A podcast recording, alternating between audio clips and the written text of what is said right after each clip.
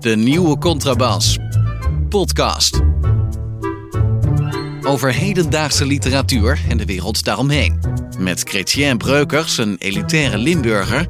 En Hans van Willigenburg, zomaar een Zuid-Hollander.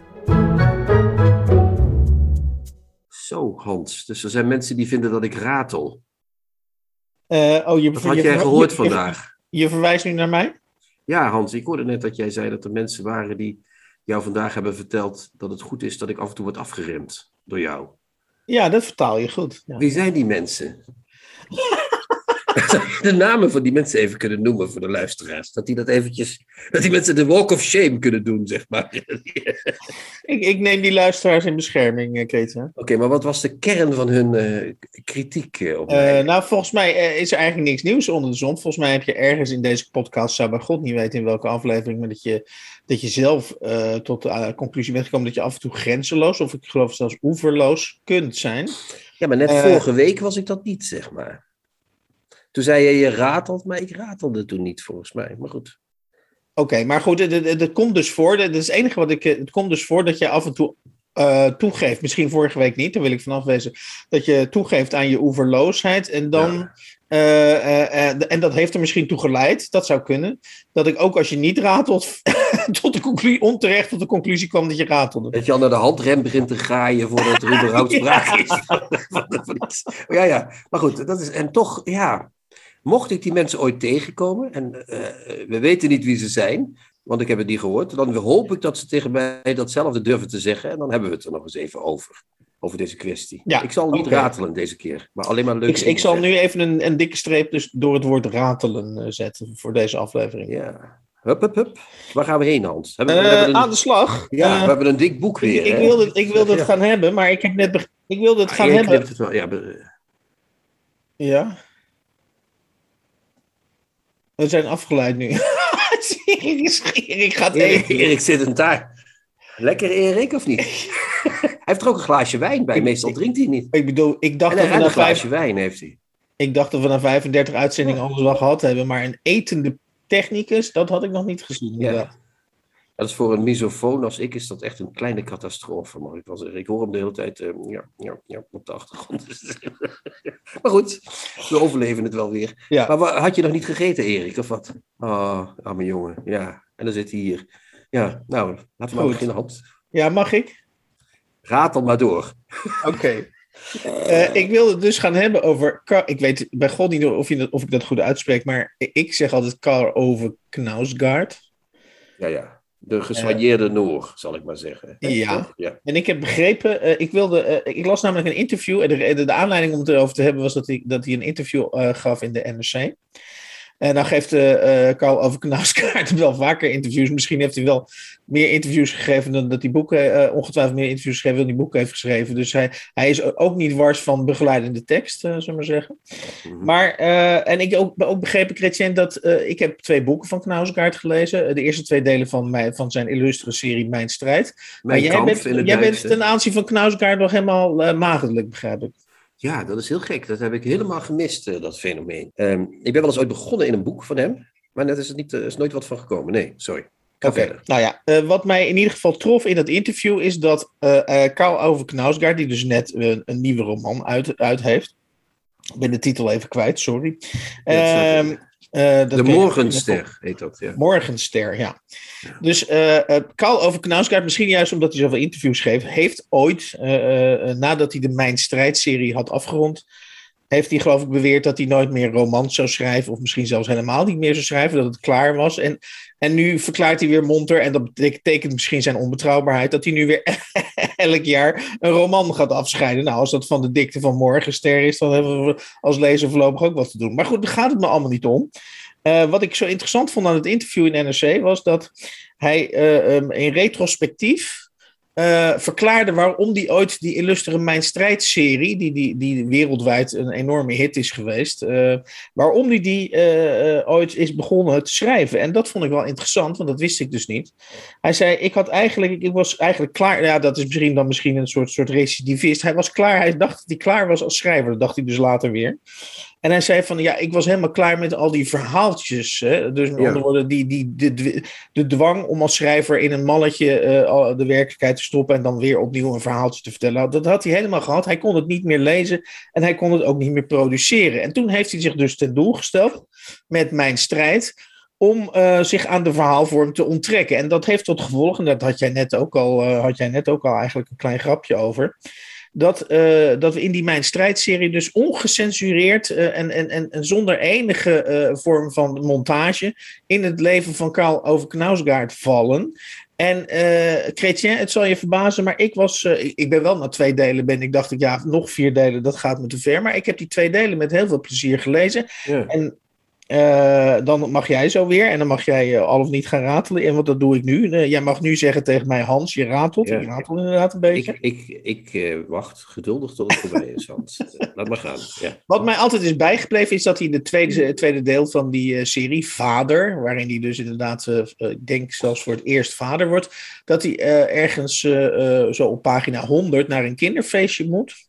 Eh, in de buurt. pagina 821 is die klaar. Ja, nou, eh, en vervolgens dat, dat, dat kinderfeestje, daar is die ongeveer 50 en 75 pagina's lang. En nou zou je zeggen van, ja, wat valt er in godsnaam over een kinderfeestje? Oh, daar maar. valt heel veel over te Ben jij ooit bij kinderfeestjes geweest? Daar valt heel veel te vertellen. Nou ja, goed, en bent. Wat ik zo mooi vind aan, wat, aan, aan de methode Knausgaard, zo zou je dat misschien kunnen noemen, is dat, eh, omdat hij daar dus 50 aan 75 pagina's aan wijdt, je dus langzaam ziet hoe een vader in, wezenloosheid, dus hij, eerst gaat hij dat kind naar die andere kinderen brengen, zo half, en dan moet hij half in het oog houden of zijn kind geen rare dingen in. Dan voert hij half een gesprek met een ouder Ja, ja, die geïnteresseerd is. En hij doet alles half. En je voelt langzaam, naarmate het kinderfeestje vordert, dat hij volkomen gedesoriënteerd raakt en denkt: wat, wat, Mhm. wat, wat is dit? Hij, hij, zijn he- e- hele ego loopt als het ware leeg op dat kinderfeestje. En ik vind dat een legendaar. Ik, ik zou dat zo weer willen lezen. Dus met andere woorden, eh, ik- weet dat Karl uh, sterke voor- en tegenstanders heeft. Maar ik ben dus ik ben er zeker geen voorstander. Want op grond van één passage kan je moeilijk een, een schrijver gaan verdedigen. Maar ergens vind ik die methode Knausgaard dus wel, dus wel heel erg goed. Maar daar heeft hij dus nu afscheid van genomen. Want hij gelooft nu weer, en dat is eigenlijk het nieuws. Hij gelooft weer in het verhaal en gaat dus elk jaar weer een roman afscheiden. Ja. Zeker dat je klaar bent, Hans? Dat ik Ja. kan, of niet? Ja. Nee, voordat we het weten, krijgen we daar kleine conflicten over. Eh, ik, ik, las, ik, ik, ik denk dat ik het eh, een interessante schrijver vind. Dus het is niet dat ik, ik heb hem niet gelezen omdat het niet eh, mij niks lijkt. Maar ja, wat jij zegt, de, de omvang sch- schrok mij ook een beetje af, eerlijk gezegd. Ja. En eh, ik, ik moet heel vaak aan Murakami denken als ik aan hem denk. Niet omdat hij. eh, hij is in deze roman ook een beetje magisch realistisch, las ik in dat interview. Dus misschien Mhm. zit hij die. Maar, maar Murakami weet ook vaak details in verhaals plat te slaan. Hè? En dan, eh, dan eh, denk je, waar gaat het over, over? Maar dat blijkt dan toch allemaal functie te hebben op den duur. Ja, ja. Eh, maar hij zegt in dat interview iets interessants. Hij zegt dan over dat mijn strijd. Hè? Schreef- Mijn strijd schreef ik met het gevoel dat alles een verhaal was geworden, terwijl het leven zelf geen verhaal kon zijn. Toen ik over de dood van mijn vader wilde schrijven, dat is dus wat jij vertelde net, dat boek Mijn Vader of zo. Ja. Kernverhaal van mijn leven werkte dat niet als roman, want dat was een verhaal en zijn dood was dat niet. En dat is mooi gezegd, maar dat is denk ik niet waar. Eh, eh, alles wat je opschrijft is een verhaal. Dus als hij zegt de dood van mijn vader is geen verhaal, nou ja, als je het op papier zet, is het op dat moment een verhaal geworden. Dus ik denk dat de definitie van roman gewoon een beetje is. Kijk, ik denk dat die, dat, dat die boeken over zijn eh, leven, hè, mijn strijd, dus dat, is Ja. ook- dat zijn ook gewoon zes, of wat zijn het, zes delen, Hans? Wat is het? Zes delen, ja. ja, ja. Dat zijn ook zes gewoon een beetje eh, autobiografische romans of platgeslagen memoirs. Of, ik zou me denk ik niet zo druk maken over eh, is het nou een roman of is het geen roman. Dat is eigenlijk, ik denk dat die Knausgaard, die denkt nu ik begin romans te schrijven. Dat is misschien leuk. Dan kunnen we weer een keer interviews geven. En dan Ja. eh, is er weer publiciteit van Knausgaard schrijft romans. Maar Ja. wat, wat hij schrijft, ik, ik heb die boeken dus nogmaals niet gelezen. Maar het zou me niet verbazen als die Mijn Strijd en die roman, dat daar toch wel, dat je niet ver van elkaar af zit. Als je dat, Dat eh, zou zomaar kunnen. Dat zou Ja. zomaar kunnen. Dus dus ik denk dat het een publiciteitsstuntje is, of gewoon omdat, en dat lijkt me ook niet, ik vind hem in dat interview niet heel intelligent overkomen, als ik eerlijk ben. Dus ik denk dat het een goede schrijver kan zijn, maar misschien moet die interview als genre even een tijdje afschaffen. Oké, oké. Uh, even nog een slot uh, en dan, dan uh, sluiten we dit blokje Knausgaard-kunde even af. Um, we zeggen het vaker, maar zullen we een Knausgaard lezen? Het is 666 bladzijden. En we moeten Dave ergens ook nog, hè? dus zullen we eerst maar even wachten? Nog? Ja, nee, dus la, laten, we, laten we niet te veel beloven. Ik eerst Dave ergens maar eens doorzien te ja, komen. Maar ja. kijk even naar die serie Mijn Strijd, want alvorens we dus weer door luisteraars gecorrigeerd worden. Die eerste, volgens mij is die eerste roman van de serie. Want jij zei dat is mijn uh, vader. Nee, dat is volgens mij. Nee, die zit daarin. In die, nee, dat zijn ja, dat is dus, dat, volgens mij begint het met zoon, namelijk. Oh, dat zou zomaar kunnen. Ik heb mij, als ik mijn strijd google, kom ik alleen bij Hitler uit. Nou ja, goed. Um, even met Knausgaard erbij. Ja, ja, precies beter misschien. ja. sorry. Het begint met vader, liefde, ja. zoon, nacht, okay. schrijver, vrouw. Oké, dus uh, ik heb Vader en Liefde dan gelezen. Oké. Okay. Uh, dan uh, moesten we sowieso, dat herinner ik me. Ja, het blokje rectificeringen komt nu. Ja, ja. Oh, maar dat doen we straks, dat blokje. Dat doen we aan het eind van de inleiding. Oké, ja. Dan, gaan we dat, dan hebben we deze week natuurlijk het nieuws. Dat mogen we niet zomaar terzijde gooien, al zouden we dat willen. Is de min of meer voorlopige afloop of ontknoping van de zaak Arjan Peters, de ontslagen ja. Volkskrant-recensent. Kassa voor Arjan, toch? Uh, 370.000 euro. En ja, dat is dan gebaseerd op het uh, jaarloon wat hij mist, 11 jaar lang. Ik heb het even uitgerekend. Hij verdiende dus 6.025 euro inclusief vakantiegeld per maand, blijkbaar. Uh, daarvan krijgt hij de helft, dus niet 8 ton, maar 4 ton in totaal. Want hij heeft 370 plus 32.000 transitievergoeding. En ik geloof ja. dat de advocatenkosten ook vergoed worden. Dat was niet mis, die rekening, zag ik. Dat was 62.000 euro. Dat is maar goed dat hij dat niet zelf hoeft te betalen van die schamele 4 ton. Um, wat, vind je, ja, wat vind jij er rijk van, Hans? Ik heb het erover nagedacht. Ik heb er dan een specifieke mening over. Zal ik beginnen of niet? Ja, doe je, begin jij maar, want ik was al zo lang aan het ratelen. Dat is waar. Dat doe je vaker trouwens. Um, dat zeggen mensen ook wel eens tegen mij. Maar ik zeg niet wie. nee, dat is niet waar. Dat...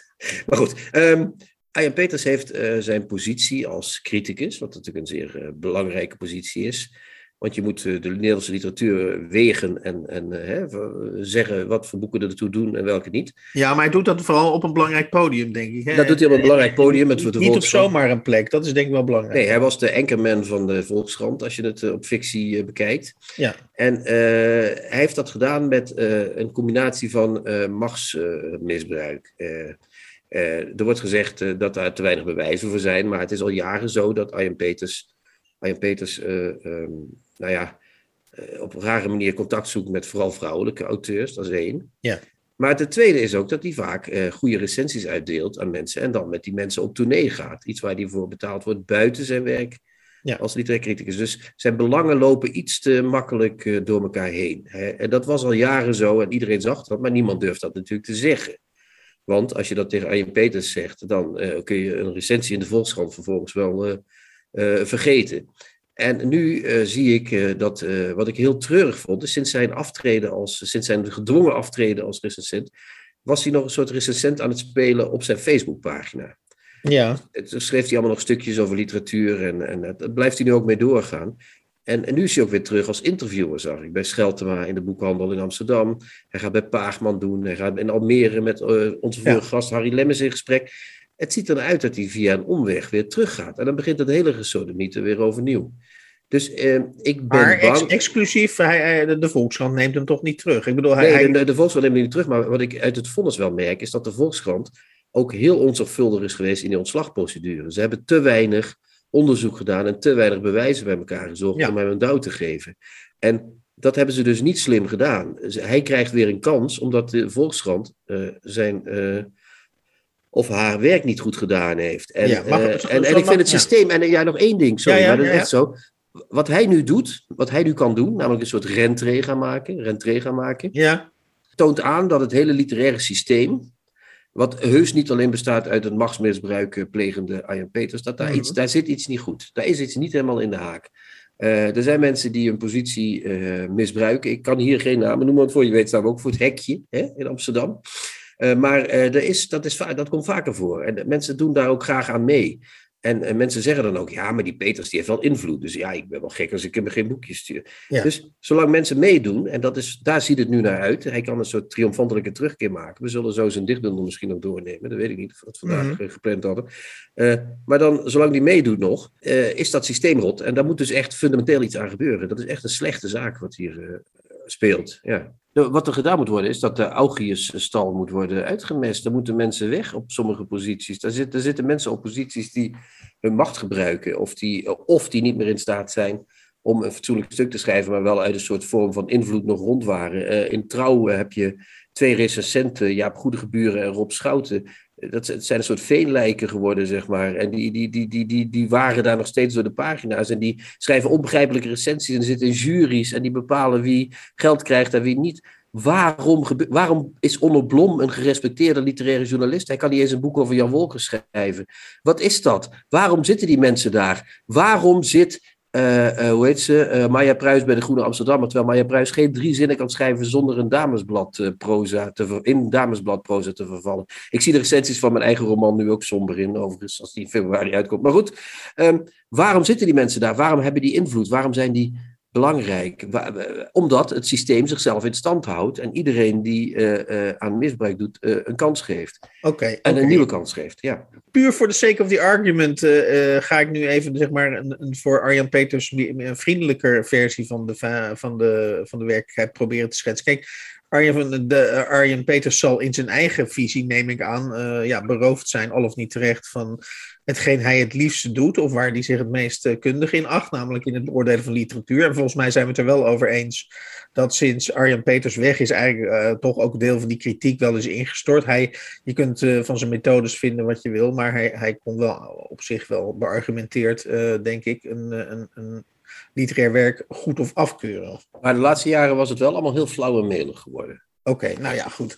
Um, dus wat, wat, wat ik ter louter, of uh, zeg maar, maar meer voor de sake of the argument uh, voor Arjen, dan ten faveur van Arjen Peters zou willen zeggen, is dat hij natuurlijk nu bezig is, en dat is tot op zekere hoogte wel te begrijpen, is dat hij ja, zijn, wat hij het liefste doet, wil hij terug uh, hebben. Uh, omdat ja, dat zou hij ik ook doen. Ik zou het precies hetzelfde doen. Omdat hij waarschijnlijk zelf ook vindt dat hij onterecht uh, dat daarvan zeg maar, vandaan wordt gehouden. Dus ja, neem het hem maar eens kwalijk dat hij op allerlei manieren probeert weer zijn oude stiel op te pakken. En, en misschien is wat jij zegt inderdaad helemaal niet denkbeeldig, namelijk dat hij uh, weer terugkomt op die troon. Maar ik verwijs even naar een interview wat ik onlangs, ja, de wereld is klein, uh, Kreetje. Ik heb voor HP de Tijd Rob van Essen geïnterviewd. Dat is deze maand in de HP Tijd te lezen. En die zegt, nou ja, midden jaren negentig, toen ik ging schrijven, was Arjan Peters inderdaad wel een. Die zat op een troon, die had een machtspositie, die kon uh, schrijverscarrières maken en breken. Maar die macht, ja, die heeft eigenlijk niemand meer, ook Arjan nee. Peters niet meer. Dus... Nee, maar binnen die kleinere macht was hij nog een grote macht. Ik vind nog steeds, ook al begrijp ik Arjan Peters, ik zou ook uh, spartelen als een duivel in een wijwatervat, als ik uh, zoiets uh, mee had gemaakt. Maar hij moet wel, ja, het hele systeem, en dat, dat, is dus niet aan Arjen Peters, maar aan het systeem. Het systeem zou naar zichzelf moeten kijken. Dat zou maar het punt met het woord systeem is dat, dat iedereen naar elkaar gaat kijken van ben jij het systeem, ben ik het systeem? Niemand nou ja, dat we gaan, misschien moeten we ook eens kijken van waarom geven we mensen machtsposities? Waarom zijn we bijvoorbeeld... Arjen Peters had op zijn Facebookpagina het verschijnen van zijn dichtbundel aangekondigd. De, honderden duimpjes, allemaal vrouwen. Oh, leuk, Arjen. Oh, oh, ja. oh. En dan denk ik, ja, we moeten misschien ook eens kijken naar al die mensen die die mannen en vrouwen die uh, uh, hun macht niet goed gebruiken, faciliteren. Dat zou ook wel eens een dus je, ja, je stelt hierbij voor om, om de duimpjes. iedereen die een duimpje heeft geplaatst, is aan een nader onderzoek te onderwerpen. Hans, ook in mij geldt een Stasi. Ja, dat is, dat is gewoon zo. Ja, dat is zo. Ja, ja, ja. Okay. Volgende onderwerp, denk ik. Yep, niet? Yep. Ja, ja, ja. Uh, tot slot wilde ik het even hebben over het feit. Ik weet eigenlijk niet eens meer wat de aanleiding was. Maar uh, uh, ergens dacht ik deze week. Uh, dat wij allebei, uh, volgens mij, als ik het goed heb, ex-dichters uh, zijn. Dus we, we hebben allebei, en jij zeker, een heel groot deel van je leven aan de poëzie gegeven. Maar we hebben allebei afscheid van genomen. Ja, nou ja, ik, ik schrijf geen gedichten meer. En dat komt ook vooral omdat het me niet meer lukt. Oké. Okay, sinds, sinds ik proza schrijf, sinds 2014.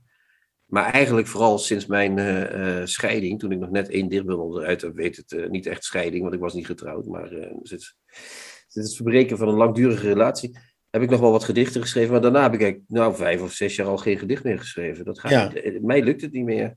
Okay, maar, maar mijn romans worden wel steeds dichtersachtiger, zeg maar. Dat worden steeds meer kleine stukjes, kleine brokjes. Ja. fragmenten. Dus ik denk dat mijn poëzie in het proza is overgeleden. Oké, dus je voorspelt dat je proza steeds meer op poëzie gaat lijken. Dat denk ik wel, ja. ja, ja. Oké, oké. Maar ik ben wel eens, ik vind mezelf wel iemand die door poëzie wordt gedreven of door poëzie wordt voortgedreven. Maar ik vind mezelf geen, ik ben geen actieve dichter meer in die zin. En, en is mist, even, even een, eh, mist de poëzie iets aan de poëzie van Kretje Breukers, nu die zelf niet meer geen gedichten meer maakt? Nee, nie- nee, niemand wordt gemist, dat blijkt maar weer. Ja. Dat is, nee, niemand wordt gemist, denk ik. Kijk, ik was geen groot dichter. Misschien was het dat ook wel. Ik, ik vind mezelf als proza-schrijver beter dan als Dus dat kan ook zijn. Maar en jij dan? Heb jij, eh, ben jij ook helemaal, helemaal droog? Lig je helemaal Ja, droog? maar ik, ja, ja, zeker, zeker. Ik ben eh, ook droog gevallen. Ik En word is dat niet- erg? Vind je dat erg? Nee, ik, ik, ik ervaar, eh, laat ik het zo zeggen, op een gegeven moment dan is het. Misschien heeft het met onze onrustige aard te maken. En is misschien de podcast wel een veel betere eh, medium voor ons om ons in uit te drukken. Eh, op een gegeven moment had ik het idee dat ik best wel een aantal niet onaardige gedichten had geschreven. Laat ik het maar zo eh, eh, voor, formuleren. En ik dacht, waarom moet ik er nog tien of twintig niet onaardige gedichten bij schrijven? Ik vind het eigenlijk wel goed zo. eh, en ongemerkt heb ik er afscheid van genomen. En ik, ik ben nu bezig inderdaad met veel meer met proza schrijven. Dat is voor mij een grotere uitdaging, want daarvan Ja. weet ik nog niet of ik dat, eh, of ik dat eh, ja, tot een goed... Ja, ik weet wel dat ik dat tot een goed einde kan brengen, maar eh, daar wil ik nog wel beter in worden. Ja, Ja, ja dat laatste klopt. Ik heb wel ook af en toe dat ik, als ik proza schrijf, diezelfde opwindende roes voel die ik bij dat poëzie schrijven kort voelde. Maar bij proza heb ik soms dat ik weken in zo'n roes zit, of in zo'n droomachtige toestand, omdat die roman langzaam klaar aan het eh, raken is. ja. En, dat, en dat vind ik wel heel prettig. Dus misschien is die langere roes ook wel aantrekkelijker. Dat zou ook nog kunnen. Ja, ik heb dat heel lang heb ik dus die lange duur heb ik als een tantaluskwelling ervaren. Was ik juist blij dat ik een gedicht in, in, in een paar uur kon schrijven. Ja. Maar nu, we, zijn hier gelijkluidend, want ik, vind inderdaad, nu vind ik het eigenlijk wel lekker om inderdaad eh, om eh, in een eh, maandenlange, eh, in, in mijn achterhoofd eh, te zeggen, oh ja, waar gaat het heen met dat boek? Dus dat, dat Ja, is als, knap, als hè? dat maar geen knausgaard wordt. Hans. Nou, tegen, dat tempo, tegen dat tempo en die hoeveelheid kan ik niet aan. Zullen we, zullen we maar aan de correctieronde gaan beginnen? Ja, ja, hoe heet dat? Rectificeren en corrigeren. Ja, ik heb in de aflevering over Anne Kramer, heb ik, had ik het over een Engelse schrijver die een boek over zijn depressie schreef. Ik noemde Kingsley Amis per ongeluk. Dat moet Oh ja. zijn William Styron, moet dat zijn. The Darkness Within. of en meer was er niet, hè?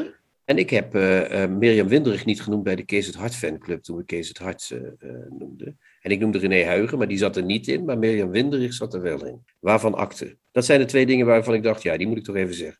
Zijn we weer helemaal rond. Tips van de week.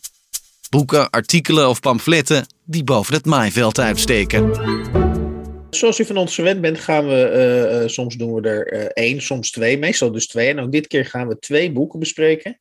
We gaan straks gaan we de debuutbundel van Arjen Peters, we, de naam is al voorbij gekomen, gaan we bespreken in de podcast.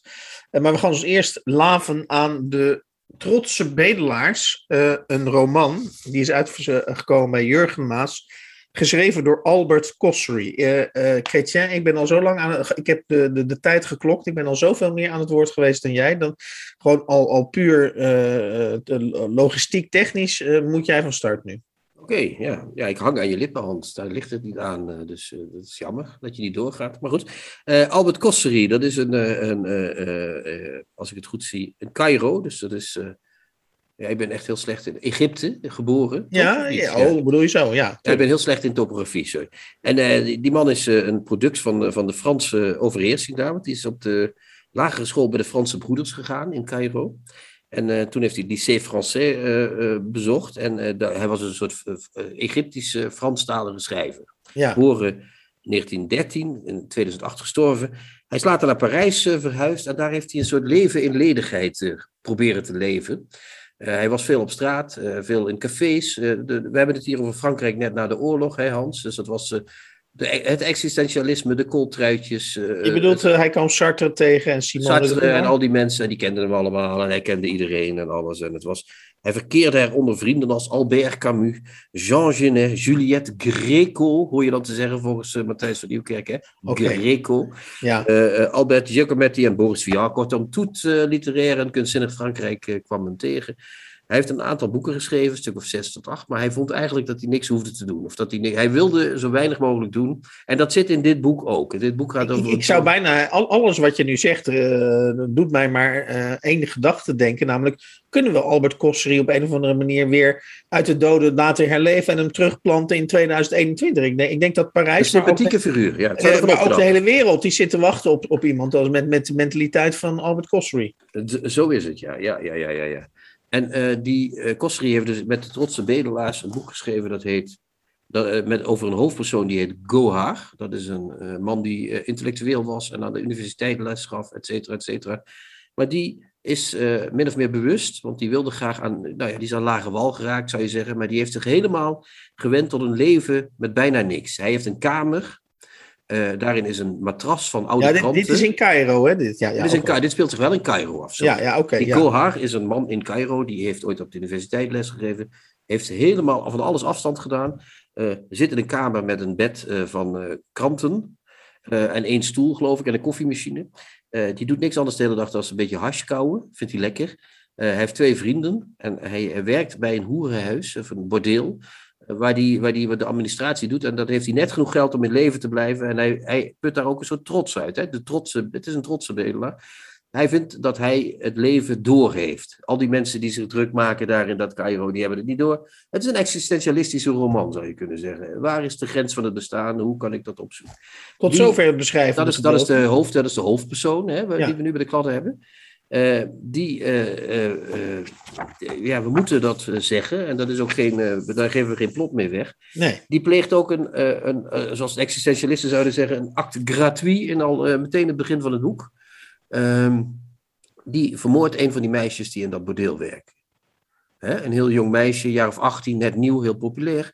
Hij denkt aan drugs, want een van zijn vrienden moet die, eh, die man die heet, eh, dat is niet die Alcordi, maar die Yegen. Dat is, een, dat is, dat is een zijn- dichter zijn ook. die- dat is een ja. Dat is een dealer. En daar denkt hij aan, maar die kan hij niet vinden. En die is vaak in dat bordeel. Hij naar dat bordeel toe. Dan zit hij bij zo'n meisje. Daar moet hij een brief voor schrijven. Dat doet hij ook. Brieven voor die meisjes schrijven. Ja. En hij wordt ineens helemaal geobsedeerd door haar armbanden. Hij denkt, met die armbanden kan ik misschien drugs kopen.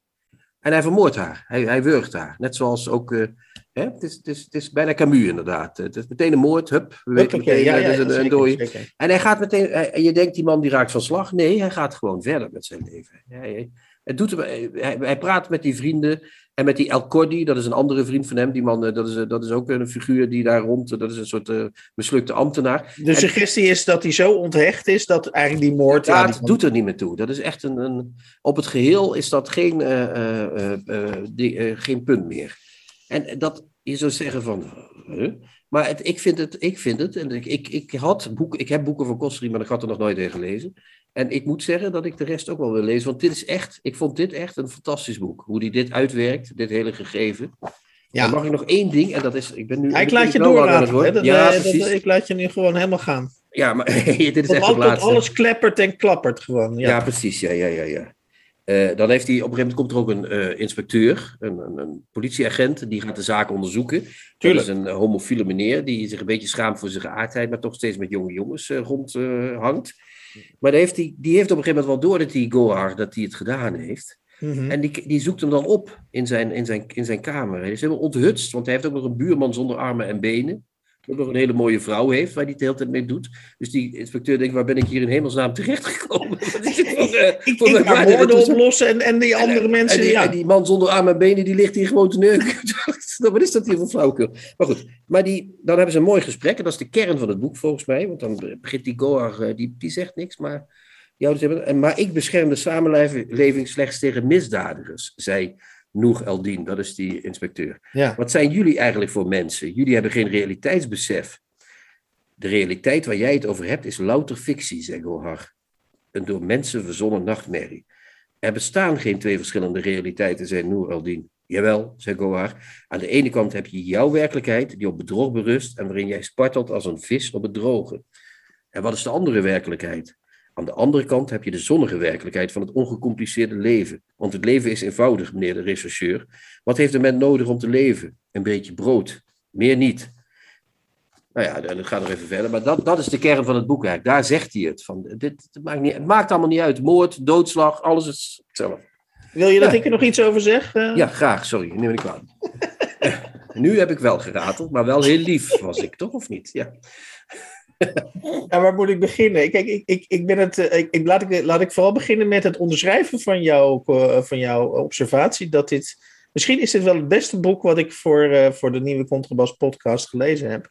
Ja. Uh, uh, tot nu toe. En dat komt, en, en dat is wel vrij confronterend, is ik, ik, vind dat je het prachtig hebt naverteld, dus daar, daar, hoef ik niks aan toe te voegen. Maar wat, wat, ik, wat ik, waar ik achter ben gekomen, is dat de, de, de Cossery is een alwetende verteller in dit boek. Hè? Dus hij, hij kent zijn personages. Die personages zijn eigenlijk. Ja, afsplitsingen van hemzelf. Allemaal. Ja, nou ja, dat zijn vaak afsplitsingen van hemzelf. Maar hij heeft ze in de hand. Ja. allemaal vrij, straf, vrij straf in de hand. Hij weet ook steeds wat ze voelen en wat hun motieven zijn. Nou, dat heb je bij een alwetende verteller. En ik, ik constateerde bij mezelf. Uh, zeker nadat je een heleboel boeken van millennials, uh, zeg maar, recentelijk gelezen hebt. Ik bespeurde bij mezelf dat ik dat prettig vond. Ik dacht, ja, eindelijk weer een schrijver die, uh, dat, ja, goed, niet eindelijk, want hij is natuurlijk al Niet zo'n worstelaar, zoals altijd. Zeg Sorry? Niet zo'n worstelaar zoals ik of zoals die millennials, maar Nee, precies. Ja, ja, ja, ja, exact. Niet zo'n worstelaar, ja. Inderdaad, iemand die gewoon een verhaal opzet.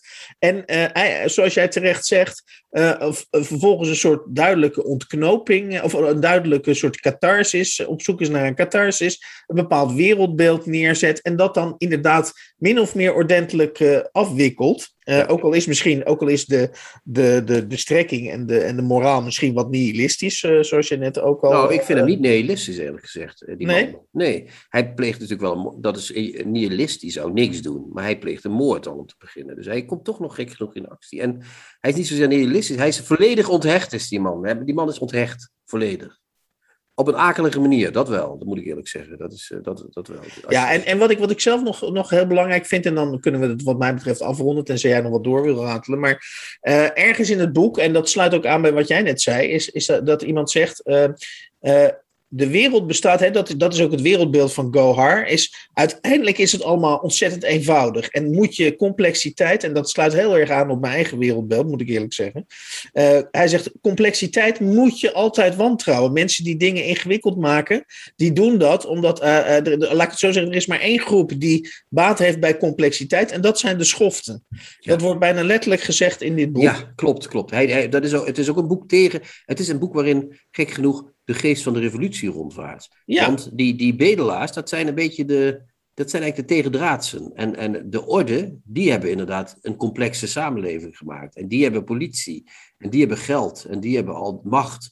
En zij zien daarvan af. En dat is een revolutionair iets. Er hangt ook iets van revolutie in de lucht in dat boek. Zeker, ja. zeker, zeker. Dus, dus ik, ik, ik uh, uh, laat ik het zo zeggen, normaal ben ik niet zo voor, voor domineesachtige boeken. Maar dit is misschien deep down uh, zit er wel. Ja, dominee is veel te negatief, want ik vind het een prachtig. Het is een existentialistisch boek, zoals de boeken uit de jaren 50 van de, van de Franse, beroemde Franse schrijvers. Ja, nou ja, goed, laten we het erop houden. En ik denk, we, we hebben volgens mij volgende week hebben we de uitgever van dit boek, Jurgen Maas, in de uitzending. Oh, dat is leuk, ja. ik denk dat Jurgen Maas, als hij, dit, uh, dat hij, als hij nu luistert, dat hij wel een, een klein, uh, een klein ejaculatietje heeft. Dus uh, nou, we moeten misschien hier maar even stoppen ook.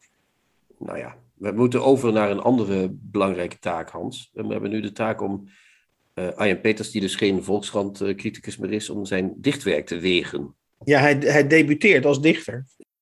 Na uh, dus de piekervaring van, uh, van Albert Cossery, uh, dat mag ik denk ik wel zeggen, want de conclusie is dat zowel Chrétien als ik zelf enorm van Cossery hebben genoten.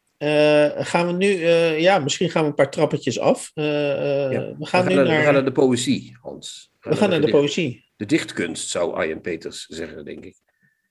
Ja. En de, de, de, dichtkunst is geschreven door Arjen Peters, Arjan Peters zelf. Ja, hij is gedebuteerd dus, als dichter, ja. Ja, hij is uh, deze week, uh, dus as we speak bijna, uh, debuteert hij met de bundel Belvedere. En nou ja, Arjan Peters is dus een man die zijn hele leven, zowat zijn hele leven gerecenseerd heeft. Maar nu in feite de rivier is overgestoken en nu zelf is gaan creëren. Volgens mij is het de eerste keer dat Arjan Peters zich als creator manifesteert, toch? Ja, hij heeft wel wat boeken over, uh, wat, wat, boeken met licht beschouwelijk werk, zoals Kees Vens dat vroeger deed geschreven, maar dit is zijn eerste literaire publicatie. Ik moet trouwens even voor de goede orde van tevoren zeggen dat de bundel wordt uitgegeven door de uitgever die ook mijn uh, werk uitgeeft. Dus uh, ik, ik zou hier kunnen worden beschuldigd van belangenverstrengeling. Maar na de bespreking denk ik niet meer dat dat idee leeft, eh, zal ik maar zeggen. Dus eh, daar komen we wel uit. Um, Geef eens een algemene typering van. van want, eh, want, voor, een, voor, een, voor, een, voor, een, voor een poëziedebuut is het bijna 100 pagina's. Dus het is, is wel te omschrijven als een lijvig debuut. Ja, het, hij maakt. Uh, je zou dit boek heet Belvedere, hè, een uit, uitkijkpunt. Hè? Ja. Goed, mooi uitzicht. Maar hij doet hier wat heel veel beginnende dichters, en hij is natuurlijk wel ouder, maar hij is een beginnende dichter, doen. Hij maakt alle fouten die beginnende dichters maken. Om te beginnen heeft hij, denk ik, elk gedicht dat hij ooit geschreven heeft hier gepubliceerd. Dus 100 bladzijden, dat is behoorlijk fors. De tweede fout die hij gemaakt heeft, is dat hij denkt als er poëzie in zit in die regels, of ik noem een dichtersnaam, dan is het ook poëzie meteen wat ik schrijf. Nou, dat is helaas niet het geval. Uh, en het derde is dat hij een. Uh, mijn dochter, van, uh, toen die nog heel jong was, mijn oudste dochter, toen die vier was, had ze het altijd over plaatselijke schaamte, als de plaatsvervangende schaamte bedoelde. En ik krijg heel vaak plaatsvervangende schaamte, plaatselijke schaamte van die bundel. Alles wat ik lees, hij, hij, is, hij doet aan een soort hinderlijke manier van name dropping. Weet je wel, een, een aanzichtkaart voor Adam Zakajewski, beroemde Poolse dichter, weet je wel. Heb ik persoonlijk gekend, ben ik gewoon geweest, heb ik gewoon gezien, die mensen. ik, ik Arjen, Arjen Peters, heb al die mensen ontmoet en ik schrijf daar nu gewoon over. Zo ben ik. Weet je wel, zo, dat is even In zijn geval is dat feitelijk toch ook zo? Of niet? Het is feitelijk zo, maar dat komt. Ik, ik zou het eigenlijk allemaal kunnen. Adst, uh, uh, hoe noem je dat? Adstrueren met, met, het, met het eerste gedicht uit de bundel. Dat, daar kun je het ja, eigenlijk allemaal aanhangen. Ga dat eens, ga dat eens mooi voor. Zal ik eens een, beetje een stukje close reading doen in, in de traditie van een voorganger van Arjan Peters bij de Volkskrant, Kees Vens. Ja. Uh, die de, toch uh, een groter criticus was, denk ik, dan uh, hij, als ik dat zo moet bekijken. Rogi Wieg heet dat gedicht. Nou, Rogi Wieg is een dichter die een jaar of vijf, zes geleden euthanasie heeft gepleegd. En toen, uh, uh, voordat hij doodging, heeft hij een paar afscheidsinterviews gegeven. Eén daarvan is aan Arjen Peters geweest. Het gedicht gaat als volgt. Eén oog bleef leep geloken boven de bunny op je badjas. En grijnzend gaf je me een trilhand toen ik jouw afscheid van de lezers kwam noteren. We zien hier Arjen Peters de woning van Rogie Wieg in lopen. Hè? Hij komt zijn afscheid van de lezers noteren. Een bescheiden mhm. man, Arjen Peters, helemaal niet iemand die zich op de voorgrond dringt. Gewoon iemand die dat gezellig komt noteren bij iemand die euthanasie gaat plegen. We doen het dagelijks allemaal, Hans. Jij niet, je bent ook copywriter. Dus ook allemaal ja, bij mensen noteer ook van alles, he, in alle bescheidenheid. Mensen gaan meestal niet daarna aan, de, aan, de, aan het schrift hangen. Maar goed, uh, en we weten dat, ik, ik weet dat Rogie Wieg, die ik ook gekend heb, dat die... Uh, een beetje schil was, om niet te zeggen loens, behoorlijk zelfs. Ja, ja. En één oog bleef leep geloken boven de bunny op je badjas. Hè? Dat is dus, hij was, dat leep geloken, dat is dus dat luie oog ja. wat daar nog in. Maar dat is ook alweer meteen zo'n poëzie. Oog geloken boven, weet je wel? We, we moeten veel o's hebben. Want dan Assonantie, ja. Het lijkt poëzie, maar we zijn er nog niet helemaal. En dan, toen ik jouw afscheid van de lezers kwam noteren, zegt hij dan zonder idee hoe zoiets moet. Maar dat had jij al even min. Nou, Peters is net als gewone dichters, die weten het ook niet, mensen. Hij komt daar aan, hij zegt, ik ga dat noteren, maar hoe en waarom? We gaan het zien, we gaan het zien. Hopelijk is die klaar voordat uh, de euthanasiearts komt, want dan uh, zou Rogier al dood zijn voor het interview klaar is. Maar dat had jij al even min. Hartbrekende taferelen had ik vermoed, maar jij ging op je keyboard zitten spelen en zong er een blues bij. Hij had natuurlijk gedacht, ik, Arjen Peters, in mijn mooie maatpak, dat hij nu voor die vier ton kan hij er nog een paar kopen trouwens. Het, eh, kom daar dat trapje op in Amsterdam Oud-Zuid. Want uh, Rogi woonde in een nogal uh, shabby woning. En daar, die mensen, die, die, die Rogi en zijn vrouw, die gooien zich huilend aan mijn voeten. Die beginnen meteen van, oei, oei, oei, oei, ik ga dood en help, help, help. Nee, hij ging gewoon achter zijn keyboard zitten en hij speelde een blues, Rogi weer. Dat is toch fantastisch, Hans, vind je niet? Nou, ik, ik, ik, nu dit zo allemaal. Uh, nu maar het is nog steeds geen poëzie wat ik hier voorlees. Dat ja, maar oké, maar goed, ik heb wel het idee dat jij in feite hier nu live voor ons in de studio tijdens het nieuwe Contrabas Podcast 35 in feite de oplossing voor de bundel van uh, Arjan Peters aandraagt. Nou, die heb ik namelijk, bijna. Namelijk dat, jij, dat jij een cabaret voor hem recenseert. Ik denk dat het een mooie voorstelling zou worden. Ja. Maar, maar, en, en, maar ik moet nog even want er staat één goede regeling in dit gedicht. Maar ik kom er nog, ik kom er nog. Ja. Zij even later verbaasd wat ging het snel, het leven? Ah, Hans, filosofie, hè? dat hoor je wel. De goulash was goed En al verzekerde je me hoe dood je wilde, omdat jouw toverdraad al lang gebroken was. En er geen apotheek bestand bleek tegen de wildgroei van kwalen, waar je zelf zo geboeid van verhaalde. Kwalen verhaalde. Ja. Er zit ook een woordspelingje in, toverdraad van dagverdrijf. Ja. Is het debuut van Rogie Wieg, dat is Ja. die toverdraad die geknapt is. In gekke opgewektheid, nou, die goede goulash wil ik ook nog even zeggen. Er heeft dus iemand voor Arjen gekookt. Arjen komt aan om het afscheidsinterview eh, te noteren. En er stond een potje goulash op het vuur te pruttelen. Terwijl de keyboards werd aangezet, stond er zo tuk, tuk, tuk, tuk, tuk, tuk. Beetje paprika poeder erbij. Arjen, een potje goulash. Oh, lekker. We zitten hier toch. Ik weet toch niet wat ik moet doen. Jij ook niet. En daar gaan we dan. Eh, en eh, die jongen die zat dus onder de medicijnen. Vind gek, denk ik dan, als je dat soort interviews moet geven. Maar goed, in gekke opgewektheid reed ik weer naar huis. Nou, dat is dus nu is alles afgelopen. Hè? Arjen Ja. haalt het trappetje weer af. Stapt op de fiets of in de auto. Ik weet niet waar die eh, Gekke mee gekomen is. opgewektheid, ja. Ja, in gekke opgewektheid. Gekke opgewektheid, ja. Ja, dat kan aan de goulash liggen. We weten het niet. Het kan aan de blues liggen die hij gehoord heeft. Misschien waren er wel hele opmerkelijke zinnen die uh, Wieg uitsprak. Ik weet het echt al, allemaal niet. Maar dan komt het. Het wezenlijke gaat vanzelf en snel. Dan denk ik, hè hè. Nu zijn we dus eh 3, 6, 9, 12, 13. Op de 14e regel van dit gedicht. En nu, dit is een dichtregel. Vind je niet? Mhm. Het wezenlijke gaat vanzelf en snel. Vind ik echt eh aardig. Ja, het is niet Ja. het, is geen, het is geen Shakespeare, zou mijn overleden vriend Joris zeggen, maar het is toch Ja, nee, niet dat... onaardig. Ja. En dan, maar dan moet dan 15, 15, dat is in de 5 14e regel. Dus ik denk, nou, dit, dit gedicht, een goede redacteur kan zeggen, nou, laten we dit gedicht gewoon beperken tot deze regel en kijken of we daar nog een mooi gedicht omheen kunnen fabriceren.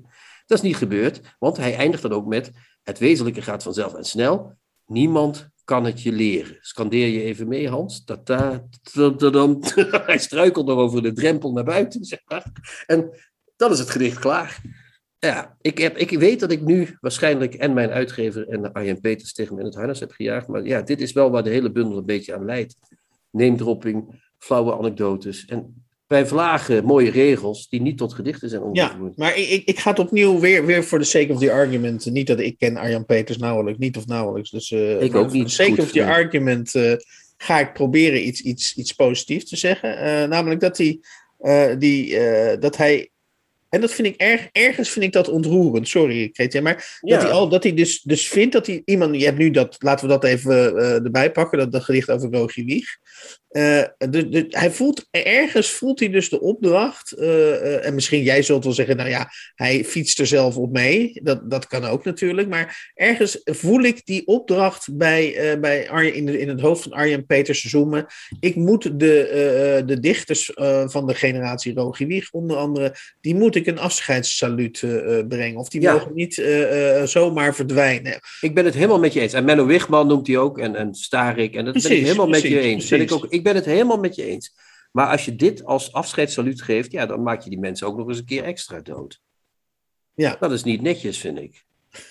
nou ja, Hans, als je een saluut wil Nee, nee, nee, geven, nee, dan ik moet je een saluut ik geven. Dan, ja, Zo kan je er tegenaan kijken. Ja, nee, Dan moet je niet met zo'n losse vlodder komen. Dan moet je iets eh, doen.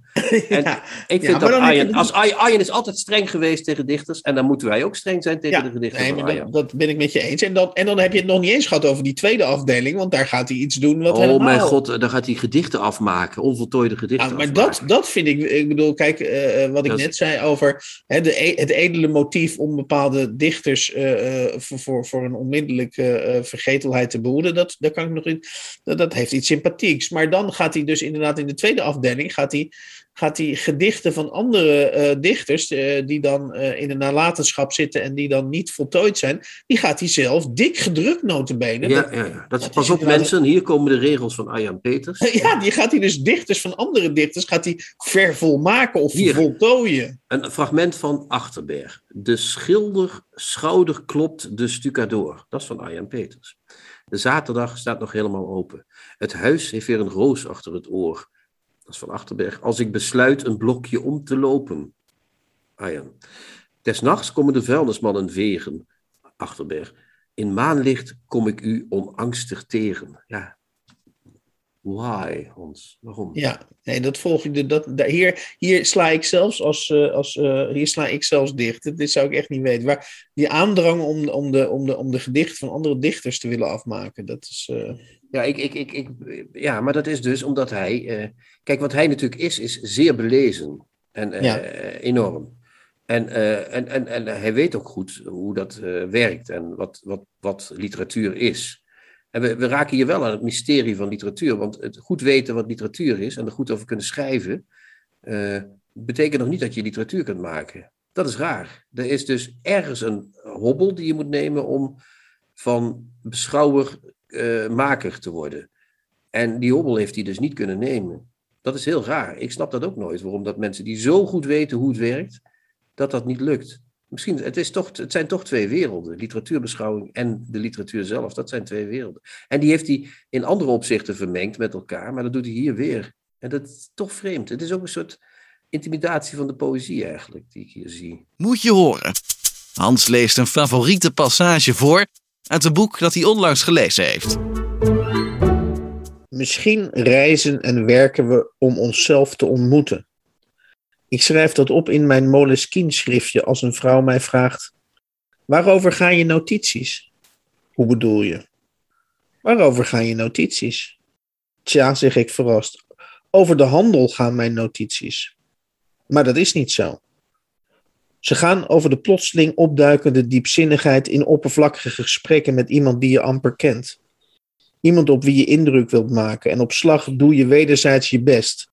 Beiden zeg je dingen die je verbazen. En je beseft dat dat de enige manier is om die andere en ook jezelf te leren kennen.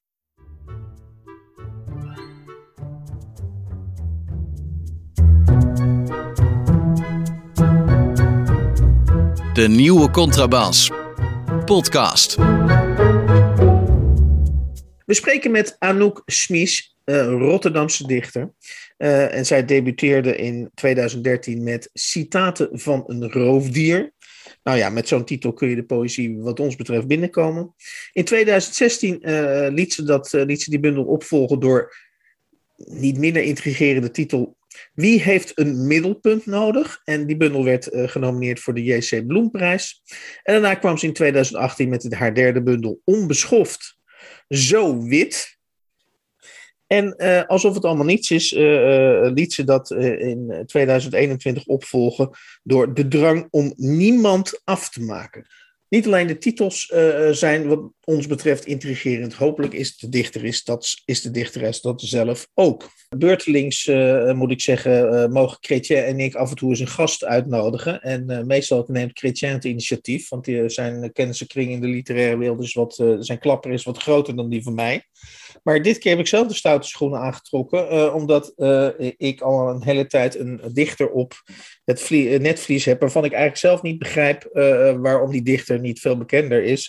En die dichter heet, of dichteres, al naar gelang u dat wenst, is Anouk Smies. Goedenavond, Anouk. Goedenavond Hans en Chrétien. Ja, je hebt het gehoord, hè? Ik, ik ben al een tijdje fan, Ja. fan van jouw werk en ik volg dat redelijk conscientieus. En als ik, als ik het goed heb, ben jij eh, één keer genomineerd voor de, voor de Buddingprijs. En heb je ook, help me even, je bent één keer genomineerd ook voor een andere prijs. Nee, nee, ik ben een keer genomineerd voor de JC Bloemprijs met mijn bundel Wie heeft een middelpunt nodig? Dus de tweede. Ja. En eh, mijn eerste bundel Citaten van een roofdier, die werd genoemd in het juryrapport, omdat ze daar wat opmerkelijke kwaliteit in zagen. Kijk, zeg maar. kijk. Ik moet echt denken wat dat was. Weerbarstige, onnavolgbare, weerbarstige beeldspraak. Onnavolgbare, weerbarstige beeldspraak. hè? Onnavolgbaar, ja. Oké. Dat was bij de Budding en ik heb genomineerd voor de JC Bloemprijs. Dat was bij de budding, was dat?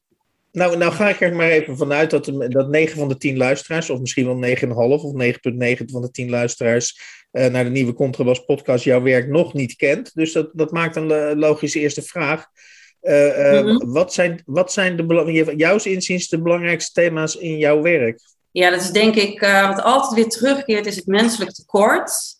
Het, het ongemakkelijke en het verzwegene. En met een, de laatste tijd echt met een steeds meer sterkere nadruk op dat ongemakkelijke en verzwegene. Oké, Dus alles wat wordt weggeveegd en, en eh uit onze zichtbare realiteit, daar zoom ik als dichter heel graag op in, merk ik. en hoe komt het dat jij daar nooit, eh, want je kunt zeggen, eh, of, of hoe, hoe komt het dat, dat jij door daardoor geïntrigeerd blijft worden? Dat je daar dus kennelijk over doorschrijft?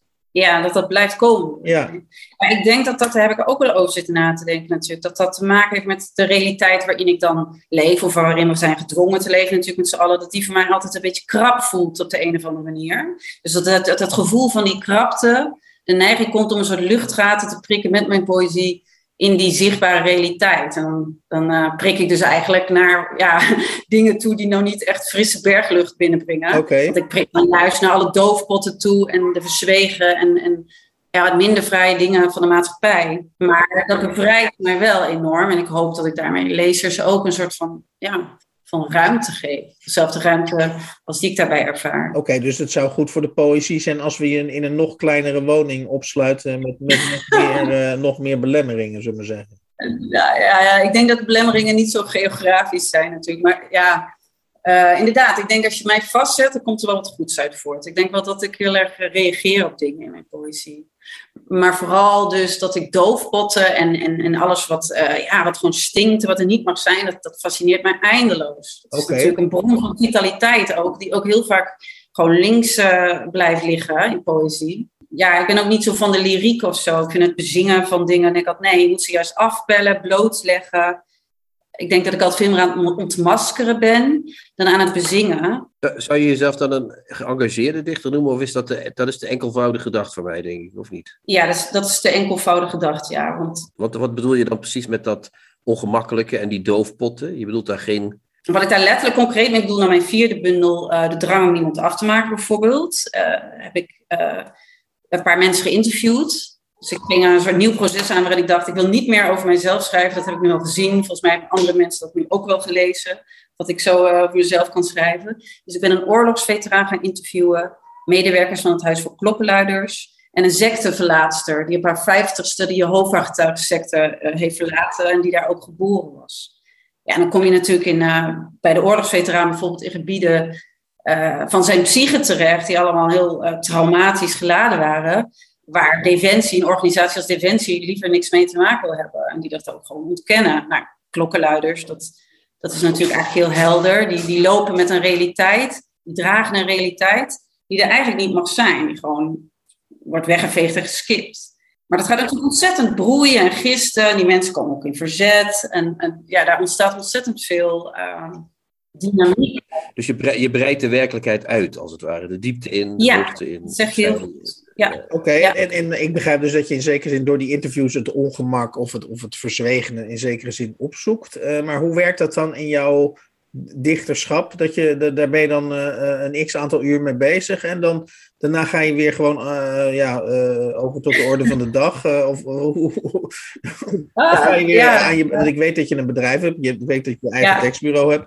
Dus dan zeg je van dan klik je dat scherm weg en dan ga je gewoon weer iets schrijven over de handigheid van een bepaalde bank of, uh, of, of ja, dat zou heel fout zijn.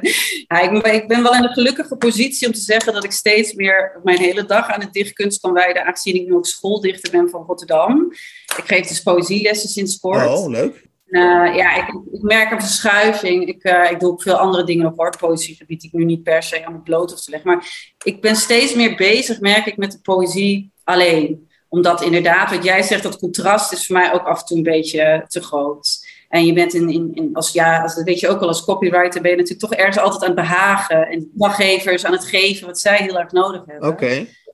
En poëzie is voor mij toch wel dat gebied waarin ik niet behaag. Oké, okay, ja. Kun jij dichters aanwijzen, of zeg je, uh, misschien juist ook niet, dat zou ook kunnen, is dat je, dat je zegt, mijn poëzie is heel autonoom, die komt helemaal uit mezelf? Of zeg je, nee, dat is flauw. Uh, ik heb natuurlijk mm. ook zelf dichters die mijzelf inspireren en beïnvloeden. Nou, um, ik, ja, ik denk dat uh, ik niet echt een soort, uh, ooit een soort hedendaagse dichter voor me heb geplaatst van zo wil ik zijn of zo wil ik schrijven. Dat heb ik nooit echt gevoeld en dat kwam zeker uit mezelf. Maar wat ik wel altijd uh, heel erg sterk als inspiratiebron heb gevoeld, is, uh, zijn een paar Oosterse dichters die ik op een gegeven moment in mijn leven ben gaan lezen. Begon ik Rumi, Hafiz te lezen. En bij hun had ik echt zoiets van, wauw, ik krijg gewoon een soort uh, rechtse hoek van die mensen in mijn maag. En ik word, ik word gewoon helemaal wakker door die poëzie. Het is een soort binnendringen. En uh, ze weten met een paar hele simpele woorden gewoon een heel soort uh, universum aan kennis uh, uit te spreiden bijna. Mm -hmm. en, en, en, vooral dat, dat iemand heel erg kunnen raken, daarvan dacht ik, dat wil ik ook. Ik wil ook bij mensen binnen kunnen dringen en, en dan daar in die binnenwerelden wat meubeltjes verplaatsen. Zeg oh, maar. ik dacht omverschoppen, ja, ja oké. Okay. Verschoppen. Ja, dat, dat denk ik dat ik trouwens ook wel eens probeer. Maar dat willen is natuurlijk iets anders dan dat kunnen. En die dichters zijn daar natuurlijk gewoon geniaal in. En ik had zoiets in alle bescheidenheid van, nou ja, daar kun je een heel leven op oefenen. Ja. En dat, is, dat idee inspireert me nog steeds. Dat je daar steeds beter in zou kunnen maar, worden. Maar wat, wat brengt, want dit is wel, uh, dat intrigeert me wel. Die, die, die, die Oosterse dichters, uh, graag ook een paar namen dan, maar je hebt er al één genoemd volgens mij. Maar uh, wat, wat, breng, wat, brengen, wat brengen die, wat, ja, wat zeg maar Gerrit Kouwenaar, ik noem maar even een dwarsstraat, of Remco Kampert, of, of, of ja. Nou, noem, noem even een vrouwelijke dichter die we ook even mee kunnen nemen hierin. Laten we, laten we, laten Ida we, Gerhard. Gerhard. Ja, Gerhard niet, Een, oude dode. En wat, hebben die, wat hebben die allemaal niet, wat die Oosterse dichters wel hebben? Ja, dat is, dan wordt het zo'n zo'n van, hè, het wordt het bijna weer zo'n zo padstelling. Maar nou, die Oosterse dichters, ik denk, ik, ik hou me niet van een esoterisch jasje, dus dat gooi je er maar af. Maar als je het esoterische jasje er, eraf haalt, ja.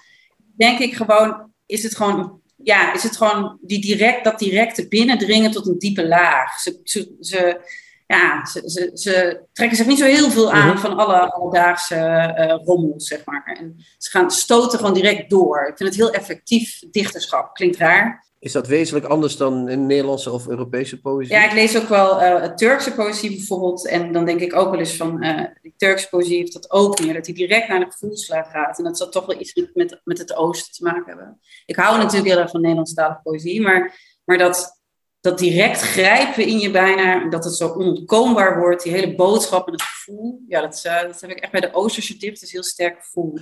Oké, okay, ik, ik, wil het even, ik wil het even verplaatsen uh, uh, naar Rotterdam. wij wonen allebei in 010. ik woon iets buiten Rotterdam, ja. maar goed, dat, dat, dat is een detail. Maar ehm, ik vroeg me af, omdat je aan het begin zei dat je, je eigen leven misschien als een soort uh, beperking, of nou ja, in ieder geval als, als soms, soms, ja, hoe moet ik het zeggen, iets waar je uit wil breken, laat ik het zo zeggen, ervaart. Uh, terwijl Rotterdam natuurlijk voor Nederlandse begrippen is, is de meest wijdse, wijdse stad uh, die je kunt bedenken. jij, ja. zit, en jij zit ook nog 15 hoog, dus wie kan dat zeggen? Um, Ja. Hoe heet het? Maar heeft de stad überhaupt, die omgeving, een stad als Rotterdam, heeft die invloed op wat jij maakt? Of zeg je, nee, dat, ik denk dat als ik verhuis naar Eindhoven of Amsterdam of Berlijn of Londen, dan schrijf ik exact dezelfde poëzie. Uh, ik, denk, ik denk wel dat, ja, poëzie, ja, dat ik gewoon echt vanuit mijn binnenwereld schrijf. Dus waar je me ook zet, er zal wel... Ik zal gewoon Anouk zijn die, die zo voelt en zo denkt. Mhm. Maar het, en het is ook niet zo dat Rotterdam me inspireert tot een leuk gedicht over een Rotterdamse brug, zeg maar. Die neiging heb ik nou echt nooit. En sowieso locaties en geografie hebben nooit zo'n rol in mijn poëzie, denk ik. Ik schrijf meer over uh, uh, ja, gewaarwordingen of, of, intenties of processen. Maar het is wel zo dat de, de hele bus van de stad, dat ken je ook wel, de, de, de onafheid, Ja. de ruigheid. Er loeit altijd wel een sirene hier van 15 hoog. Er gaat altijd iets mis, heb ik het idee. En er zijn allerlei processen die je lekker, die eigenlijk gewoon zo'n, altijd zo'n ontembaar karakter houden. Mhm. Dat vind ik fantastisch. En dat is de perfecte achtergrond voor mijn poëzie. Nou ja, ik ben wel blij dat je Rotterdam nog ruig noemt. Als, als ik door het centrum loop, dan ben ik juist bang dat die ruigheid in rap tempo aan het verdwijnen is. Maar oké. Ja, dat snap ik ook wel. Ja, Ja, ja. Nou, als je hier Delfshaven in loopt, zeg maar je eentje, je gaat lekker hardlopen als vrouw, dan is het nog ruig genoeg. Ja, oké, oké, oké. Delfshaven. Ja, ja. Ik heb jou een paar vragen toegestuurd. En van één vraag heb ik eh, de vraag Ja. aan jou gesteld of dat een onzinnige vraag is. Dus dat was eigenlijk een vraag waar ik me bij voorkeur al, of bij voorbaat al voor verontschuldigde. Maar jij zei toen van nee, dat is helemaal geen onzinnige vraag. Dus die ga ik gewoon stellen. Namelijk de vraag of jouw poëzie ook door een man geschreven had kunnen zijn. Ja, ik ben wel ook geïntrigeerd. Mag ik ook dingen terugvragen waarom, waarom jij dat wilde vragen? Want er zat ook al een soort van gevoel onder waarschijnlijk dat je dat... Ik vond het wel een onzinnige vraag. Ja, ik vond het een onzinnig.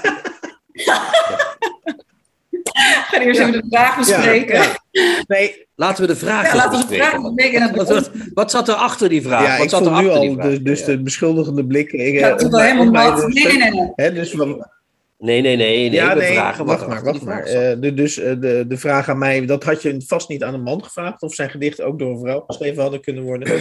Daar zit natuurlijk iets in. Nee, maar ik, ik, Mhm. de, de reden dat ik het wilde vragen was omdat ik zelf de indruk heb, maar goed, dat kan meer aan mij liggen dan die, Ja. aan die gedichten. Dat kan ik natuurlijk niet, eh, dat weet ik niet. Maar is dat ehm, ik er inderdaad wel iets masculiens in lees, inderdaad. Nee, nou, maar dat, dat is ook gewoon zo. Dat, dat, eh, en dat heb ik ook heel, het is opvallend hoe vaak ik dat ook heb gehoord. Ik kan daar wel een leuk verhaal nog over vertellen. Ik werd onlangs aangesproken door een meneer die mij heel vriendelijk toch waarschuwend zei van... eh, het was zeker geen compliment namelijk van... ben je wel bewust dat er heel wat... dat er een male gaze in sommige van jouw gedichten doorschemert. Dus de male gaze, de mannelijke...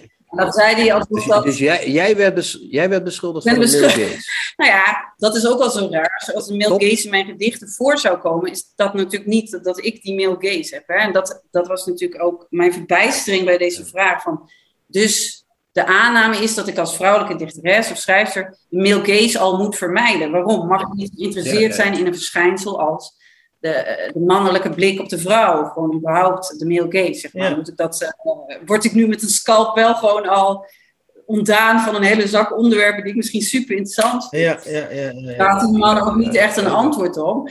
Maar eh, ja, dat heb ik vaker gehoord. Ehm, ik denk dat dat wel komt omdat ik zelf zowel veel vrouwelijke als mannelijke eigenschappen zit. Als je dan toch die eh, containertermen mannelijk, vrouwelijk wil gebruiken. En, en dat die mij zo breed mogelijk register geven in de poëzie. En ik, ik schrijf, merk ik vaak vanuit de man. En nu moet ik wel heel voorzichtig voor Ja.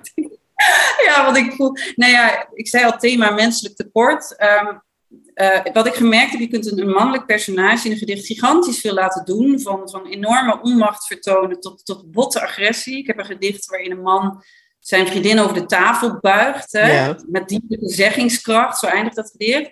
Nou, iedereen gelooft dat wel. Terwijl het over een, een, een, een, een wat onzekere man gaat, die juist allerlei dingen misloopt te doen. En dat compenseert door zijn vriendin dan zo over de tafel te leggen s'avonds. Maar als je dat voor een vrouw zou hebben gedaan, als ik een, een, een vrouw, haar man ook, dan, dan, dan moet ik bijna eerst helemaal door het taboe heen schrijven van vrouwelijke agressie. En dan gaat het gedicht opeens daarover. En dan heb ik heel veel uit te leggen, heb ik het idee. Ik zal het niet zo plat maken, want, want dat, dat, eh, dat, dat ik dan aan jou ga vragen: oh, en wat zijn jouw mannelijke en wat zijn jouw vrouwelijke eigenschappen? Want ja, dat, dat is een beetje flauw. Dan wordt het een soort. eh, maar Klinkt wel nieuwsgierig. Ja, ben je nu opeens Oké. Ja, klinkt wel, nee, het klinkt nieuwsgierig als je dat zo zegt. Ja, oké, maar dan wordt het, Nou, ik wil het vragen. dan wordt het zo'n zo'n bingo-achtige. Kun je de, kaart de kaart even voor me inkleuren? eh, dus dat, dat, dat wil ik niet. Ehm, eh, maar ik, wat, wat ik me tot slot wel heel graag zou willen vragen aan jou, Anouk. Ik weet niet of je daar voorbereid hebt, anders dan kunnen we dat. eh, is of jij. Ik, ik heb bijvoorbeeld een gedicht Route hier voor mij. En dat begint met de, eh, de zin. Eh, ze vroegen me vrouw te zijn, wat ik wel een intrigerende beginzin eh, vind. Eh, en ik, eh, ik weet niet, ik, ik zou het heel leuk vinden als je dat gedicht eh, voor ons zou kunnen voorlezen. Ja, moet ik alleen even zoeken. Ja. Oh, dat is dan inderdaad het enige gedicht dat echt vanuit een vrouwelijk perspectief uh, geschreven Ja, maar je zegt ook iets over de man, volgens mij. Oké. ja. Ja, zeker. Hans, Ja. heeft er, Hans heeft er echt een magneet voor. voor dat Ja, oké. Zal ik hem voordragen? ja, graag. Route. Ze vroegen me vrouw te zijn. Het was niet moeilijk. Ik moest afstand van wat ophef doen en naar de noordenwind lachen voor de foto. Daarna was het een kwestie van doorademen bij bedrijfsafspraken en ook wanneer mijn visie als doorlichtplek werd omgekeerd. De essentie was zorgen dat mijn zichtbaarheid door elke opening past. En het als een commissie aan de deur staat, geïnteresseerd in het intellect van fijnzinnige bevolkingsgroepen in een buitensporig brute wereld, ik mijn rancune mensplaning heb geleerd. Ja, ik vind dit. eh, ik, ik, ik, ik, ik ga even een klein applausje. eh, eh, ga ik even organiseren. Ja, Het, du- het duurde heel lang voordat ik die laatste zin begreep. Ja? Ik was ik ben rancune mansplaining. Maar Ik had eerst rancune mansplaining aan, mansplaining aan elkaar. Las ik Ah. Dus ja, ik dacht, ja, ja. Wat, wat? En toen ineens, ah, dat, heeft ze Bingo. niet. Het heeft even geduurd, maar het- ik vond het een erg mooi gedicht. Eh, ja, ik hoop eigenlijk dat al onze luisteraars. eh, eh, misschien kunnen we er straks nog, of, of zo direct nog één doen. Maar ik hoop in ieder geval dat onze luisteraars door dit voorbeeld eh, geïntrigeerd zijn geraakt door jouw werk. Ik ben in ieder geval de, eh, eh, eh, door jouw werk geïntrigeerd. Eh, wanneer, kan ik een, wanneer kunnen we een volgende bundel verwachten? Of zit jij, midden, Oh ja, of zit nou, jij nog eerst midden in wat ongemakken? Het is wel echt. Ik ben natuurlijk geen lopende band, maar ik ben wel druk bezig, moet ik je eerlijk zeggen. Dus ik had er wel een soort van. Met de afronding van de vierde was ik al wel echt bezig met de vijfde. Maar eh, je kunt wel veel ongemakken en eh ho- grootheidswaanzin in die bundel Ja. Ik heb nog een vraag aan je. Dat is wat mij betreft Ja. de laatste vraag. We hadden laatst een, een, was er een, een, een, nieuwsberichtje in de krant over Philip Roth. Misschien denk je nu Philip Roth, waar gaat dit heen? Maar Philip Roth, eh, daarvan bleek dat hij in zijn, eh, in zijn leven nogal wat genetwerkt had. Eh, om eh, zijn eigen werk bij recensenten en, en bij andere invloedrijke mensen onder de aandacht te brengen. En ik, je voelt de vraag natuurlijk nu wel al, wel al aankomen. Dat ik denk van, eh Anouk, Anouk, netwerk jij wel genoeg? Eh, want ja, al, al die Nee. mooie, al die mooie poëzie, die, die, die verdwijnt eh, als, als, we, als, als we er niks aan doen, verdwijnt het allemaal Ja. eh, in het niets. Ja, ja, ja netwerken, ja, dat, dat voel je dan ook wel aan. Dat is dat ik vind netwerken. eh, ik, vind, ik heb het altijd, ik, ja, ik vind het niet chic om heel veel te netwerken. Ik heb altijd gedacht, ja, een dichter die heel veel netwerkt, dat, eh, dat maakt dan net een beetje. Ja, moet ik ook weer op mijn woorden letten natuurlijk. Maar Ja, we zullen geen namen noemen, maar zo'n Erik Linder bijvoorbeeld, dat is echt vrij stuitend. Eh, Nou ja, ik bedoel, het, ik, wat ik heel mooi vind, en misschien op pop zit dan toch een soort romantische gedachte hier, is dat je volledig gefocust bent op de kern van je werk en daar ook echt de weg zoekt en ontwikkeling zoekt en blijft zoeken en daarin vecht en, en ontwikkelt, maar niet per se heel erg zelfgericht bent op, op de exposure of de aandacht die je daarmee eh, kan verwerken. Ik, heb daar ook wel moeite mee. Ik vind het, eh, het zal wel niet in mijn karakter zitten of zo, maar en als het dan toch lukt, als er dan toch aandacht naar je werk toekomt, dan vind ik dat dus iets fantastisch. Want dan heb je werk dat echt zelf gedaan. Dus dat, dat beantwoordt dan misschien ook een deel van je vraag. Nou, oké, maar laat, laat het nieuwe Ja, contrabas het begin mooi. zijn van een, eh, van een iets, misschien iets. Ik, ik, ik, ga je natuurlijk tot niks dwingen, maar dat begrijp je wel. Maar eh, eh, laat, het, laat het het begin zijn van een schuchtere poging iets meer eh, eh, aandacht voor je eigen poëzie te genereren, wat mij betreft. Heb jij nog, heb jij nog één gedicht, zelf een lievelingsgedicht, dat je tot slot met ons wilt delen? Dat zou fantastisch zijn. Eh, ja, dat is het hart der Jehovah's is verraderlijk en niets ontziend. Meestelijk, ja. Heel graag. En dat, Ja. Zo is het. titel, eh, ja, oké. Hij is wat lang, dus dat is een goede afsluiting. Oké. hart der Jehovah's is verraderlijk en niets ontziend. Het hart is verraderlijk en niets ontziend. Om bijzonder te zijn, kan ik mezelf niet vertrouwen. Ik moet kruimels oprapen. Ik moet de wiet telen van de groep. Ik moet de voeten van 144.000 elitairen wassen. Ik moet met de openhartigheid van de puber een Armageddon vermoeden. Ik moet de literatuur van een plagieerder schrijven. Ik moet glimlachen. Ik moet sociopaten uitsluiten en ik moet de kring compact houden. Ik moet mijn eigen bibliotheek samenstellen. Ik moet de bibliotheek lezen. Ik moet in stilstaand water bloemen kweken. Ik moet fobieën oprakelen. Fobieën zijn behulpzaam. Ik moet pijn ontmythologiseren. Ik moet cognitie testen wantrouwen. Ik moet aanbidden. Ik moet intuïtief bemiddelen. Ik moet t-shirts zonder tekst dragen. Ik moet moeiteloosheid bieden. Ik moet de wet van de vuik kennen. Ik moet op een Escher-trap inslapen en zonder te struikelen geloofwaardig maken: dit is jouw huis. Ik ben om, eh, zeg maar. Ik ga vier bundels stellen. Nou, dat wordt dan even sparen. Even sparen en dan gaan we eens even lekker... eh, super.